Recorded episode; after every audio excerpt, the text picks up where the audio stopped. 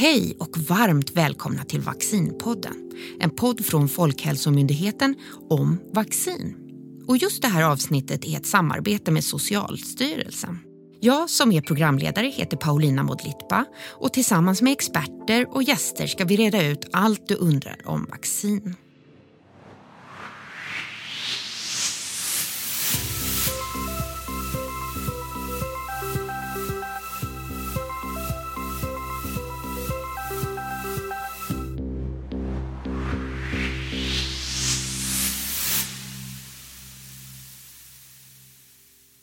Idag ska vi fokusera på anledningen till att vi vaccinerar oss just nu, nämligen sjukdomen covid-19. För trots att covid-19 härjat runt i världen i mer än ett år nu så är det fortfarande en sjukdom som vi inte vet allt om. Vad stämmer och vad stämmer inte? Det ska vi ta reda på idag. Och till min hjälp har jag Thomas Lindén, avdelningschef på Socialstyrelsen och Annika Ersson, infektionsläkare och utredare på Folkhälsomyndigheten. Och du har ju också tidigare varit biträdande smittskyddsläkare för Jämtland Härjedalen. Välkommen både Thomas och Annika. Tack så mycket. Tack så mycket. Ni har ju båda jobbat med det här i över ett år nu. Men ta oss tillbaka lite. Hur var det egentligen när ni för första gången fick höra talas om covid-19? Vi börjar med dig Annika. Det var um, tidigt 2020, i januari månad, som um, det började uppmärksammas uh, fall av en ovanlig form av lunginflammation med någon form av koppling till vad man sa då åtminstone en fiskmarknad i Wuhan. Och um, efter det så har det ju gradvis blivit allt mer tydligt att sjukdomen inte alls var begränsad bara till Wuhan utan uh, snart fanns att hitta i hela världen. Och då har det ju gått fort. Verkligen. Och du då, Thomas? det var väl ungefär på samma sätt i januari när vi först hörde talas om den här nya lunginflammationen från Kina. Så reagerade väl inte jag mer så än att ja, det här är kanske årets influensa. Det är möjligen så blir den lite mer allvarlig än vad den brukar bli, men eh, att det skulle bli som det sen visade sig vara, det hade jag ingen aning om i januari. Nej, och det är just det här vad det faktiskt sen visade sig vara som vi ska prata om idag. Vi ska prata om sjukdomen covid-19 och jag tänker att vi börjar rakt på sak med, med den väldigt stora frågan. Vad är det här egentligen för sjukdom? Hur skulle du sammanfatta det utifrån vad du vet idag, Annika? Det är en virusinfektion. Så som många virusinfektioner så ger den symptom från många delar av kroppen. Och virus har den egenheten att de vill kunna sprida sig i den mån man nu pratar om vad viruset vill. Men det är därför de finns. Det är en virusinfektion som sprids mellan människor. Och vad är det egentligen som skiljer covid-19 ifrån andra sjukdomar? Vi pratar ju ibland om luftvägssjukdomar som influensor och förkylningar. Vad gör covid-19 speciellt? Det är några saker som sticker ut Eh, särskilt eh, och skiljer covid-19 från andra luftvägsinfektioner. Och en av de saker som skiljer är ju att barn inte alls är smittdrivande på samma sätt som vi ser med influensa och eh, vanliga förkylningar. Ehm, en annan sak som skiljer är att det är en mycket större andel av dem som blir infekterade som blir svårt sjuka och behöver vård. Och I början av pandemin då var det lite oklart vilka symptom som egentligen var vanliga vid covid-19. Det gjordes tabeller som man kunde följa utifrån om man har halsont eller inte, om man har snuva eller inte och feber och så vidare. Och nu när man har en lite tydligare bild av hur covid-19 yttrar sig, vad har man egentligen kommit fram till där? Egentligen så alla symptom som du brukar ha vid en förkylning kan du också ha vid covid-19. Det är det här klassiska med halsont, det är snuva, det är nästäppa, det är huvudvärk. Du kan också ha muskelvärk i hela kroppen, du kan ha besvär från magen. Det är så som virus beter sig, att man ofta får besvär från hela kroppen. Men om du sen får en allvarlig form av covid, då brukar det yttra sig någon vecka in i infektionsförloppet och då mer tydligt med att dina lungor har blivit eh, väldigt drabbade. Mm. Och Jag tror att det är här som förvirrar folk lite grann, att det kan yttra sig så olika från person till person. Hur kan det egentligen vara så? Du har varit inne på det lite grann Annika, men ska vi utveckla det lite? Det är, vi har alla olika biologiska förutsättningar att eh, hantera en infektion. Och vi har lyckats identifiera några riskfaktorer för att inte hantera covid-19 så bra. Och det, dit hör ju åldern eh, utkristalliserat som en väldigt tydlig riskfaktor. Men också till exempel övervikt och diabetes. Det här är de vanligaste orsakerna till att man kan drabbas av en svår covid. Men sen kan det ju finnas otroligt många individuella orsaker som vi inte har möjlighet att eh, sätta fingret på. Och Det är det som gör att det för vissa kan te sig lite slumpartat vem det är som blir svårt sjuk och inte. Men förhoppningsvis då om, om några år så kommer vi ha en tydligare bild av vad det faktiskt var som spelade roll. Rimligen så kommer vi att lära oss mer om vem som blir sjuk och varför. Och när vissa ändå inte blir så sjuka. Jag märkte till exempel, vad jag vet i alla fall, inte av att jag var sjuk. Jag var symptomfri. Är det verkligen så viktigt att vaccinera sig då och, och för att undvika att bli smittad? Kan, kan det inte tvärtom vara bra att få antikroppar i kroppen? För sig själv så kan det ju då vara lika bra att ha haft infektionen som att ha fått vaccin om man råkar vara en av dem som inte får några symptom. Men det är just det att vi inte vet på förhand. För även om det är ovanligt med svår sjukdom hos någon som är ung och frisk i övrigt så finns det några av dem som faktiskt blir allvarligt sjuka också. Men förutom risken att man, hur stor risken att man själv blir sjuk är så finns ju risken att man kan sprida smittan vidare till någon annan. Just det, så vaccinera sig gör man inte bara för sin egen skull utan även för andras skull. Thomas, en fråga till dig. Varför ser vi egentligen förhållandevis höga dödstal när det kommer till covid-19? Varför är det inte som en vanlig influensa eller förkylning? Ja, influenser är ju i sig olika, olika allvarliga och slår olika hårt mot oss eh, år efter år. Men eh, just för den här sjukdomen så är det äldre och sköra personer som har störst risk att drabbas av svår covid-19. Och med det menar jag covid-19 som leder till sjukhusvård eller behov av intensivvård eller i värsta fall att man avlider. Sen eh, lite kuriosa är att eh, den pandemi som drabbade oss för hundra år sedan, den drabbade ju unga personer värst. Så att det är Eh, lite olika. Men i den här sjukdomen så drabbas äldre hårdare än unga och eh, vi har många äldre i vår befolkning. Och det är framförallt äldre som också avlidit till följd av sjukdomen. Och eh, det är en väldigt smittsam sjukdom så att även om risken för den enskilde inte är speciellt hög så när det är många som drabbas så Ehm, så är det förstås många som blir svårt sjuka också. Och eh, en väldigt smittsam sjukdom som den här är ju helt omöjlig att hindra att komma in på till exempel äldreboende när man väl har en spridning i samhället. Men nu i tredje vågen eh, ser man en jättestor minskning av antalet avlidna och det är just för att vi eh, innan tredje vågen hann vaccinera de som är allra skörast.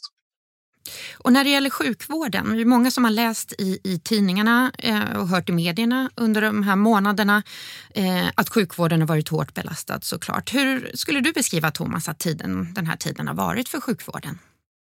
Ja, det har varit en eh, extremt ansträngande tid både för sjukvårdssystemet i sig och alla de som arbetar i vården. Och eh, personerna som arbetar har visat ett enormt engagemang och förmåga till omställning som varit helt nödvändigt. För när det här, det här spreds över hela världen så bröt ju alla logistikkedjor samman. Alla länder behövde samma utrustning och eh, det innebar att det plötsligt blev brist på både skyddsutrustning och läkemedel och annat. Och dessutom så eh, räckte inte den kapacitet vi normalt har i intensivvården, till exempel för att ta hand om alla som insjuknade under samma tid. Så att både intensivvård och transportkapacitet mellan sjukhus och regioner har fått byggas upp. Och de som behandlar patienterna hade ju från början inte en exakt kunskap om hur patienterna ska tas om hand på bästa sätt, utan det är någonting som har utvecklats eh, undan för undan under pandemin. Och eh, nu vet vi mer om vad det är som fungerar och inte fungerar i behandlingen av patienter med covid-19 och eh, vårdresultaten har också förbättrats. Och eh, under andra och tredje vågen, alltså från eh, slutet på hösten förra året och fram till nu, så eh, är både beredskapen och kunskapen större och vi, vi vet vad som fungerar och vi kan behandla skörare patienter. Men många medarbetare har också slutit hårt utan ordentlig återhämtning under lång tid och eh, det finns ett stort, stort behov av eh, vila och återhämtning bland de som arbetar i sjukvården. Någonting som det också pratats mycket om det är den här strategin att trycka ner kurvan eller flatten the curve som det ju heter på engelska. Det vill säga att man, man väljer en strategi där vården ska beskyddas från att bli överbelastad helt enkelt. Hålla ner smittotalen för att det ska finnas tillräckligt med vårdplatser. Varför är det egentligen så viktigt? Du har varit inne på det lite Thomas, men ska vi utveckla det lite? Ja, det, det, alltså ett tankeexperiment är att eh, om eh, 365 patienter blir sjuka samma dag så är det en enorm skillnad i belastning för sjukvården än om, om en blir sjuk varje dag under ett helt år. Och eh, under det här året så har vi dubblat sjukvårdens kapacitet att eh, intensivvårda patienter. Men eh, vi har vid några tillfällen varit nära Eh, ett tak i den här kapaciteten så att det, det, har varit väldigt viktigt att platta ut kurvan och så att säga sprida ut belastningen över en större tid i sjukvården. Annika, vi har redan pratat om några faktorer som fortfarande är antingen helt eller delvis okända när det gäller covid-19. Eh, till exempel vad det är som gör att vi blir så olika drabbade och, och sjuka. Vad finns det mer som är okänt när det gäller det här viruset? En en sak som man skulle behöva och lära sig mer om är hur viruset smittar, varför vissa lättare blir infekterade också än andra. Ehm, vad det är som gör att barn inte blir infekterade lika lätt som äldre personer blir. Och när det kommer till behandlingsbiten Eh, det är så att ifall du blir sjuk med en bakterieinfektion till exempel, då får du en behandling som riktas mot bakterien. Vi har inget motsvarande för covid, att man kan behandla själva viruset. Utan det som eh, de mest framgångsrika behandlingarna gör idag är att egentligen trycka ner kroppens egen reaktion på viruset eftersom man, eh, det som Många mår väldigt dåligt av att man får en för kraftig inflammation i kroppen som vi då eh, försöker ta udden av när den inte längre hjälper till att läka ut sjukdomen.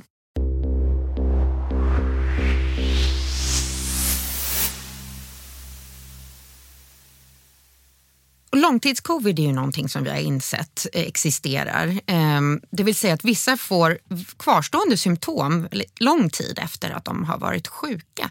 Vad är det som händer i kroppen då egentligen? Det här är väldigt eh, blandat ehm, vad det beror på. Eh, en del patienter som upplever att de har långdragna symptom är sådana som har varit svårt sjuka och är konvalescenta och Eh, som eh, upplever det man alltid gör vid svår sjukdom, att det tar väldigt lång tid och kanske längre tid än man tror att återhämta sig. Eh, ibland kan de här symptomen bero på att man faktiskt har fått svåra skador på sina inre organ, till exempel skador i lungorna som gör att man under en lång tid är andfådd eller har svårt att syresätta sig. Eller skador i lever eller njurar eller i nervsystem som, som man har besvär av. Ibland kan det vara immunsystemet som, eh, som egentligen är aktiverat för att ta hand om viruset som ibland av misstag så att säga angriper olika celler och organ i kroppen och leder till att man får skador där också. Det finns många olika teorier om, om mekanismerna, alltså hur det fungerar bakom att man får eh, besvär som antingen inte går över eller att man får nya besvär långt efter en covid-infektion. Men eh, där har, vi, där har vi mycket forskning att eh, vänta på som kan förklara hur det går till. Eh, man kan ha också gamla skador med sig som förstärks av den här sjukdomen. Och en, en viktig observation så här långt är att symptomen man får efteråt inte står särskilt väl i relation till de symptom man hade vid den akuta infektionen utan man kan ha haft en, en väldigt lätt infektion akut och ändå få svåra symptom längre fram och man kan ha en väldigt svår sjukdom akut utan att få några kvarvarande symptom efteråt. Kan symptomen även skilja sig åt så att man har andra typer av symptom? Att de kvarstående symptomen är helt andra än de man hade när man faktiskt var sjuk? Ja, så är det delvis. Eh, de vanligaste symptomen har med andning och andfåddhet att göra och känsla att inte få luft. Sen finns det också en, en eh, ett väldigt vanlig grupp av symptom som handlar om att man är, man är trött, man är onormalt trött, där man inte kan vila sig frisk och eh, att man är väldigt uttröttbar. Så även efter väldigt liten ansträngning så blir man helt utmattad. Och sen finns det ytterligare en grupp som har mer med problem med minne och tänkande och känsloliv att göra. Att eh, man känner sig trögtänkt eller som att man går i en dimma eller har ångest eller sömnsvårigheter eller den typen av besvär. Vet vi någonting om vilka som faktiskt drabbas av långtidscovid eller är det också ett sånt där område som det behövs mer forskning inom för att förstå? Nej, det behövs, eh, det behövs väldigt mycket mer forskning. Det finns, eh, det finns eh, ingen kunskap som gör att man kan förutsäga vem det är som får post-covid och vem som inte får det. Vi ser att det, är, det verkar vara lite vanligare bland kvinnor än bland män, trots att svår covid är vanligare bland män än bland kvinnor. Men vi har inga bra sätt att förutsäga att man får post-covid efteråt. Däremot så vet vi från andra typer av infektioner och särskilt virusinfektioner att eh, man får vid många typer av virusinfektioner besvär efteråt. Många känner igen till exempel att man får förkylningsblåsor som kommer tillbaka gång på gång och efter samma grupp av virus eh, kan man ju få eh, svåra smärtor lång tid efter den akuta infektionen. Många känner till körtelfeber som framförallt drabbar unga där man kan bli trött och uttröttbar och inte orka med skolan och kanske tappa ett år efteråt. Och vi har också sjukdomar som TB till exempel som man eh, får via fästingbett där man får en muskelsvaghet som kan vara i år efteråt. Och vi har en sån sjukdom som polio som drabbade världen i form av en pandemi för 70 år sedan och eh, där vi fortfarande har specialmottagningar och där patienter behöver få hjälp. Mot vissa andra sjukdomar kan man ju till viss del förebygga att bli sjuk genom att till exempel träna, sova bra, inte röka och så vidare. Hur är det med covid-19? Är det samma sak där eller är det slumpen som avgör hur sjuk man blir? Det, det, kan tyckas slumpartat vem det är som blir sjuk och inte eh, i covid-19. Men givet dina egna individuella förutsättningar att klara av infektionen på ett bra sätt så kan du alltid minska risken för en svår sjukdom genom att vara i så god fysisk form som du kan.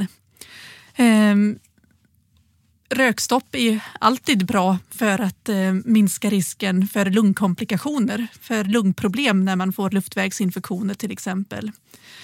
Eh, men god sömn, det är bra för immunförsvaret rent allmänt. Så eh, att ta hand om sig, det är det bästa man kan göra för att eh, vara rustad att klara av infektionen om man blir smittad.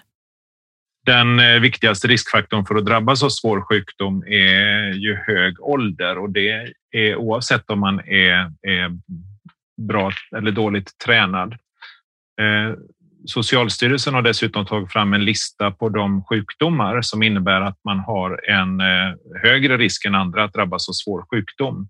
Och exempel på sådana kan vara personer som har fått ett organ transplanterat eller har sjukdomar som eh, sätter ner immunförsvaret eller personer med hjärt-kärlsjukdom till exempel. Och eh, den listan har ju regeringen använt för att eh, införa möjlighet till att få en slags sjukersättning för att eh, vara hemma och inte utsättas för lika hög risk att bli smittad om man nu tillhör en, en sådan grupp. Men det är viktigt att påpeka att även personer som inte är i riskgrupp kan hamna på sjukhus eller bli så sjuk så att man behöver intensivvård eller Eh, också drabbas av långvariga besvär. Det är, det är inte ofarligt att bli smittad även om man inte skulle tillhöra riskgrupperna eller inte har en så hög ålder. En fråga till båda er. Eh, det har pratats mycket om olika virusvarianter som har uppstått nu de senaste månaderna bland annat. Just nu pratas det extra mycket om och man håller extra koll på den så kallade deltavarianten. Vad betyder de här varianterna egentligen? Alltså viruset utvecklas ju hela tiden. Eh, det förändrar sin genetiska kod och eh, får då olika förmåga. Dels att infektera personer, göra dem sjuka och dels olika förmåga att, eh, att skapa olika grad av sjukdom. Så det man är rädd för egentligen nu, det är väl tre saker. Det ena är att man ska få fram en virusvariant som är mer smittsam. Och det andra är att Eh, man ska få fram en variant som gör personer mer sjuka. Och det tredje är att man får fram en variant som då inte vaccinen biter på. Och Annika, ditt perspektiv då? Hur stor är risken egentligen för att det kommer en variant som vaccinet inte biter på? Svårt att säga så mycket om hur stor risken är men den är ju helt kopplad till hur stor smittspridning som finns av viruset i världen.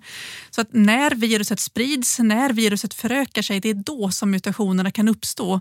Så ju större grupper i världen som inte har blivit vaccinerade, desto större är risken för att mutationer vi inte vill ha bildas. Ja, och det för oss över till den väldigt viktiga frågan vad det egentligen innebär att det har kommit ett vaccin, eller faktiskt flera, på rekordtid godkända vaccin mot covid-19. Thomas? Ja, det viktigaste är ju att eh, risken hos en vaccinerad person att drabbas av svår sjukdom eller död, den är avsevärt mycket lägre. Och det ser vi ju redan att eh, dödligheten är ju nästan helt borta jämfört med tidigare när det gäller riskgruppen och de allra äldsta.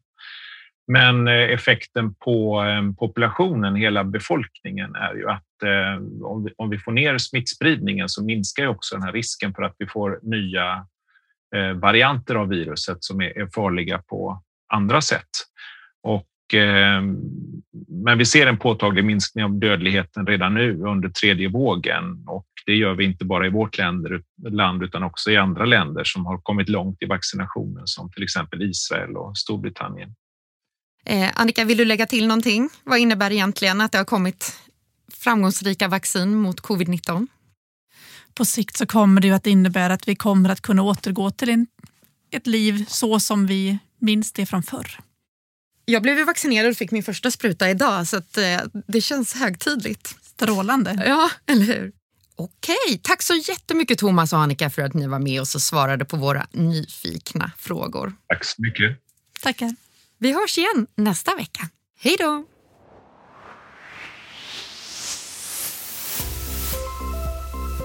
Vaccinpodden är en podd från Folkhälsomyndigheten, Socialstyrelsen, Läkemedelsverket och Myndigheten för samhällsskydd och beredskap. Det här var en produktion av Soundtelling